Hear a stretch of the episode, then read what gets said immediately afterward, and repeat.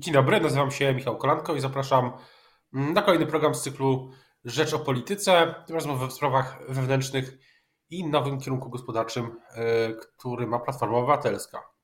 Dzień dobry, a Państwa i moim gościem dzisiaj jest Katarzyna Lubnauer, posłanka Nowoczesnej. Dzień dobry. Dzień dobry, witam Państwa. Właśnie, chciałbym się chciałbym zacząć od tej sprawy, o której mówiłem na, w samym początku. Dzisiaj czy wczoraj trwają takie konferencje lokalne posłów e, Platformy Obywatelskiej dotyczące tych nowych propozycji gospodarczych Platformy. I tak się zastanawiam, jak pani na to spogląda posłanka Partii Liberalnej, na ten pomysł, żeby państwo tak aktywnie ingerowało w gospodarkę i system, system bankowy i też na podwyżkę 20% pensji dla mm, budżetówki, która ma sporo kosztować. Co pani na to?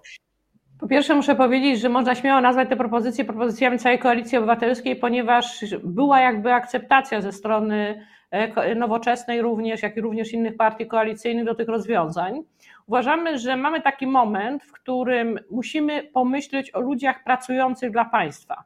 A sfera budżetowa to są ludzie pracujący na państwa, którzy jeszcze w dodatku, nawet to, co się w tej chwili dzieje z tym kryzysem uchodźczym, są bardziej obciążeni niż kiedykolwiek dotychczas. Najpierw wcześniej pandemia, e, teraz e, kryzys uchodźczy. Pamiętajmy, że na nauczycieli często spadają dodatkowe obowiązki, na urzędników spadają dodatkowe obowiązki. To naprawdę jest taki czas wyzwania.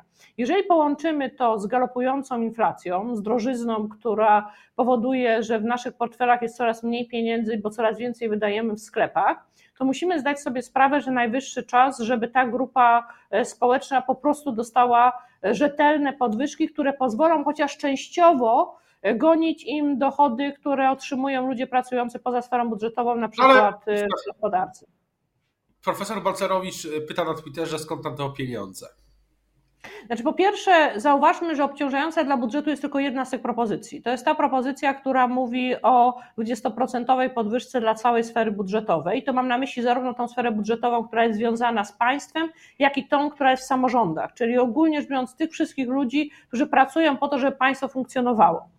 I teraz e, ta, to koszt tego jest prawdopodobnie około 30 miliardów złotych. Tego się nie da tak idealnie obliczyć, no bo jak wiemy, to jest dość e, dużo osób w różnych miejscach pracujących ale szacowany jest na tyle mniej więcej, ile dodatkowego dochodu ma budżet państwa wynikający z inflacji. E, przypomnijmy, że w budżecie państwa założona inflacja była na poziomie 3,3%. W związku z tym, jak inflacja skoczyła do 11%, a taką mamy za marzec, już wiem, mamy oficjalne informacje, to do budżetu państwa wpływa znacznie więcej pieniędzy, ponieważ jest coś takiego jak podatek inflacyjny. Oznacza to po prostu bardzo prostą rzecz, że jeżeli kupujemy jakikolwiek produkt i płacimy VAT, do tego VAT-u, jak on jest droższy, to też jest więcej. W związku z tym y, państwo jako budżet zarabia kilkadziesiąt miliardów więcej y, przez to, że za wszystko płacimy więcej. Więc chodzi o to, żeby po pierwsze podzieliło się ze społeczeństwem tymi pieniędzmi w tym znaczeniu, że ta sfera budżetowa, która nie ma takiego nacisku na pracodawcę, żeby otrzymała te pieniądze. Ale tam są jeszcze dwa rozwiązania. Podzieliło się ze społeczeństwem. Pani, pani poseł, to brzmi trochę jak redystrybu, redystrybucja wręcz. Ja się, się, czy to jest kwestia, nie ma nic... to jest kwestia tego, że że jest, że, że jest wojna, pan, pandemia tak bardzo zmieniła Państwa para, paradygmat? Nie. Naszym paradygmatem zawsze było to, że zawsze liberalne podejście do e, e, funkcjonowania państwa to jest wspieranie ludzi, którzy pracują. E, ludzi, którzy wkładają swój wysiłek w to, że państwo funkcjonowało i swoją pracą chcą zarobić na swoje utrzymanie. I my mówimy o wsparciu ludzi, którzy pracują dla tego państwa, czyli sfery budżetowej. Ale tam są jeszcze dwa inne rozwiązania, z których jedno ma charakter czysto antyinflacyjny, czyli to chodzi o te obligacje. Chodzi o ludzi, którzy e, mają pewne oszczędności, one nie są ogromne, ale to jest często dorobek ich życia, i żeby oni mogli zakupić obligacje państwowe, które będą do wysokości, oprocentowane w wysokości inflacji, czyli żeby te pieniądze im nie, nie, nie topniały.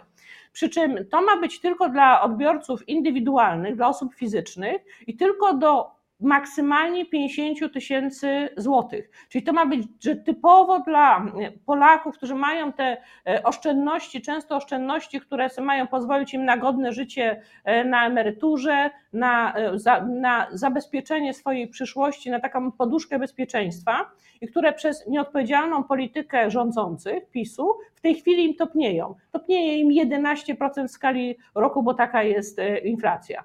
W związku z tym to jest działanie antyinflacyjne z jeszcze z bardzo prostego powodu. Ci ludzie, jeżeli mają te oszczędności nie jakieś ogromne, to oni najczęściej, jeżeli widzą, że jest inflacja, to mają skłonność do konsumpcji, co za tym idzie do pobudzania inflacji. Jeżeli z rynku zostaną te pieniądze ściągnięte w postaci opłacalnych dla nich e, obligacji, to z jednej strony jest źródło finansowania na przykład tych podwyżek, ale z drugiej strony mamy sytuację, w której ci ludzie tych pieniędzy nie wydadzą na konsumpcję, więc to jest antyinflacyjne. I trzecie rozwiązanie. To trzecie rozwiązanie dotyczące mrożenia kredytów na dwa lata, pamiętajmy, że to jest kosztem banków, które powiedzmy szczerze w tej chwili prowadzą dość nieuczciwą politykę, bo nie wiem, czy pan redaktor ma w tej chwili jakieś konto, na którym ma pieniądze oszczędzające e, i widzi oprocentowanie, które ma na koncie oszczędnościowym. Najczęściej to jest oprocentowanie poniżej 1% w momencie, w którym inflacja jest 11%. W związku z tym to e, mrożenie na dwa lata, przypomnijmy jeszcze jedną rzecz, że my nie wiemy, jaka będzie inflacja za dwa lata, więc może być w ten sposób, że w tej chwili ratujemy tych kredytobiorców, którzy się zdecydują na tego typu rozwiązanie, ale w przyszłości oni zapłacą więcej niż cena e, rynkowa w danym momencie będzie kredytu. Ale też zastanawiam się, czy, te, czy te trzy propozycje, to jak pani mówi, cała koalicja obywatelska się pod tym podpisuje. To jest taki rodzaj 500 e, plus dla koalicji obywatelskiej, taki postulat też na wybory. Nie mam żadnej wątpliwości, że to są propozycje korzystne dla Polaków i te związane z oszczędnościami, zabezpieczeniem ich oszczędności, i te związane ze sferą budżetową, która rzeczywiście była pokrzywdzona przez ten rząd. Bardzo często rządzący lubią się powoływać na przypadek nauczycieli. Ja przypomnę, że w kadencji PO PSL podwyżki dla nauczyciela stażysty, bo on miał najwyższą podwyżkę, to było 76%. W przypadku nauczyciela dyplomowanego to było 44%. W tej chwili PiS się chwali, że ma podwyżki, natomiast wszystkie podwyżki dla nauczycieli nie przekraczają 36%. W związku z tym zdajemy sobie sprawę, że w tej chwili mamy do czynienia z pauperyzacją sfery budżetowej, bo z jednej strony mamy inflację, z drugiej strony mamy brak podwyżek. E, PiS przejmował, jak, jak przejmował rządy, była deflacja, było 0,2% y, deflacji, czyli wzmacniała się, że tak powiem, siła nabywcza pieniędzy. Doprowadzili do 11%. W związku z tym. Nie, tak, to politycy. Jest to jest na pewno rozwiązanie, które może zainteresować bardzo wielu obywateli, może zachęcić ich do głosowania na no, koalicję obywatelską, ale to jest też kwestia przyzwoitości. No, ale gdyby tutaj był ktoś z Prawa i Sprawiedliwości i na przykład e, premier Morawiecki, to powiedziałby zaraz, że e, inflacja to wina Putina. Zresztą w Stanach Zjednoczonych Joe Biden mówi podobnie. Tam też jest inflacja Pamiętajmy. i tam też Joe Biden mówi, e, że to jest efekt Putina musimy zauważyć, od jakiego poziomu kto startował. Rzeczywiście we wszystkich krajach w tej chwili jest inflacja. Tylko trzeba pamiętać, że w styczniu, kiedy jeszcze nie było wojny, e, pan prezes Glapiński wyszedł i poinformował wszystkich, że najwyższa, nie wiedzieliśmy wtedy jeszcze, że będzie wojna, że najwyższa inflacja będzie w czerwcu i powiedział zresztą, że to będzie około 8%. Okazało się, że już w styczniu inflacja była 9,2%, czyli się po pierwsze pomylił. Po drugie, pamiętajmy o tym, że mamy jedną z najwyższych w Unii Europejskiej mm, inflacji bazowych, czyli to jest ta inflacja, na którą nie ma wpływu, jak to byśmy określili Putin, bo to jest bez na przykład energii e, i bez cen żywności. I ta inflacja, my jesteśmy regularnie na podium, razem w tej chwili ostatnio z Czechami i Litwą. W związku z tym można śmiało powiedzieć, że zdejmowanie z siebie odpowiedzialności za tę inflację przez PiS jest zwyczajnie nieuczciwe. Poza tym pan Glapiński lubi mówić o tym, porównywać się do Czechów, że Czesi też mają wysoką inflację.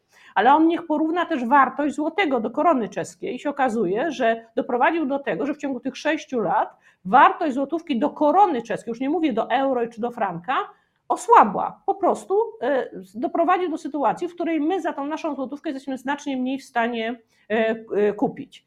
Od sześciu lat polityka e, rządzących była taka, że pobudzała inflację. I powiem więcej, Narodowy Bank Polski wtedy, kiedy powinien z tą inflacją walczyć, nie walczył, bo to było wygodne dla rządu ta kilkuprocentowa inflacja, bo dawała więcej pieniędzy do budżetu. To jest ten podatek inflacyjny, o którym e, mówiłam na początku.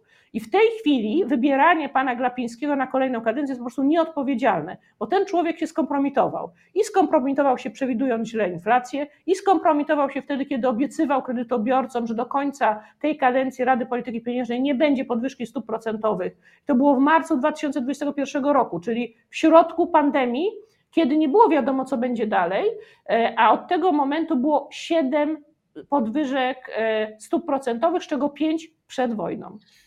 A czy spodziewa się Pani, że ta kandydatura y, przejdzie przez Sejm? Bo jak rozumiem, opozycja, cała opozycja, włącznie z Konfederacją, y, wyklucza głosowanie za kandydaturą. Czy, czy Mam nadzieję, że nie.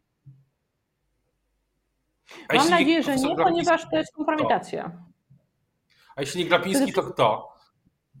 Kto, kto e, powinien być? Pojawiają się dwa, e, pojawiają się dwa nazwiska. Pojawiają się nazwisko party Marty Gejęckiej. Mnie jest trudno powiedzieć o jej wiedzy e, i przygotowaniu do tego stanowiska. Pojawiało się też nazwisko pana Pawła Borysa. Tu się obawiam, że mielibyśmy do czynienia z polityką, która nie byłaby polityką niezależnego Narodowego Banku Polskiego, tylko polityką rządu, którą by realizował. Zresztą tak samo jak Glapiński realizuje politykę rządu, a nie politykę interesów Polaków, bo jego podstawowym zadaniem zgodnie z konstytucją jest obrona wartości polskiego pieniądza, a tego nie robi. To o tym świadczy inflacja, o tym świadczy osłabienie złotego, chociażby do tej korony czeskiej, o czym już mówiłam. W związku z tym trudno jest powiedzieć, czy PiS ma dobrego kontrkandydata, ale powiem w ten sposób, raczej nie ma równie złego. E, Glapiński, e, te jego konferencje prasowe kompromitują Narodowy Bank Polski. To jest stand-up. To jest stand-up i to jeszcze, e, że tak powiem, nie najlepszej jakości. On próbuje być dowcipny, wygłasza teksty w stylu stopy raz spadają, raz rosną. Oszukał Polaków, kiedy powiedział, że stopy procentowe nie wzrosną. To jest nieodpowiedzialne, bo on nie może wiedzieć, czy te stopy procentowe wzrosną, czy nie może mieć pewności, bo nie wie, jak będzie się układało. One były przez długi czas specjalnie zaniżane po to, żeby generować pewną inflację. Natomiast e, on nie może tak zapowiadać, bo on bierze w ten sposób odpowiedzialność za tych ludzi, których w tej chwili wzrosły raty kredytu o 60%. Przechodząc do, mm, przechodząc do innych tematów, tak się zastanawiam, co e, w tych warunkach, e, jaka jest Pani, jaka jest, jaka jest Pani ocena sytuacji, jeśli chodzi o wpływ wojny na, na politykę? Co, co wojna przez te ostatnie ponad 50 dni, wkrótce będzie dwa miesiące, zmieniła w polskiej polityce wewnętrznej? To jest ciekawa sprawa, bo oczywiście zmieniła wszystko i jednocześnie nie zmieniła niewiele. Zmieniła wszystko, no bo właściwie rozmawiamy głównie o y, wojnie, rozmawiamy o tym, jak możemy pomóc Ukraińcom, rozmawiamy o tym, tylko że Ponieważ jeżeli przyjrzymy się temu, to tutaj jest duża spójność działań zarówno rządzących, jak i opozycji. My poparliśmy, przypomnę, ustawę o obronie ojczyzny, poparliśmy rozwiązania dotyczące pomocy Ukraińcom. Tutaj nie ma jakby jakiegoś konfliktu. W związku z tym to mało różnicuje i ma małe odbicie w sondażach. Jeżeli przyjrzymy się ostatnim sondażom, no wczoraj był na przykład sondaż, gdzie różnica między partią rządzącą a partią Koalicją Obywatelską jest 4 punkty procentowe, tam między 30 a 26. E, poprzednio był kolejny estymator, też, który też pokazuje, że niewiele się zmieniło, jeśli chodzi o różnicę między dwiema partiami, które mają największe poparcie społeczne. I w tym znaczeniu zmieniła niewiele.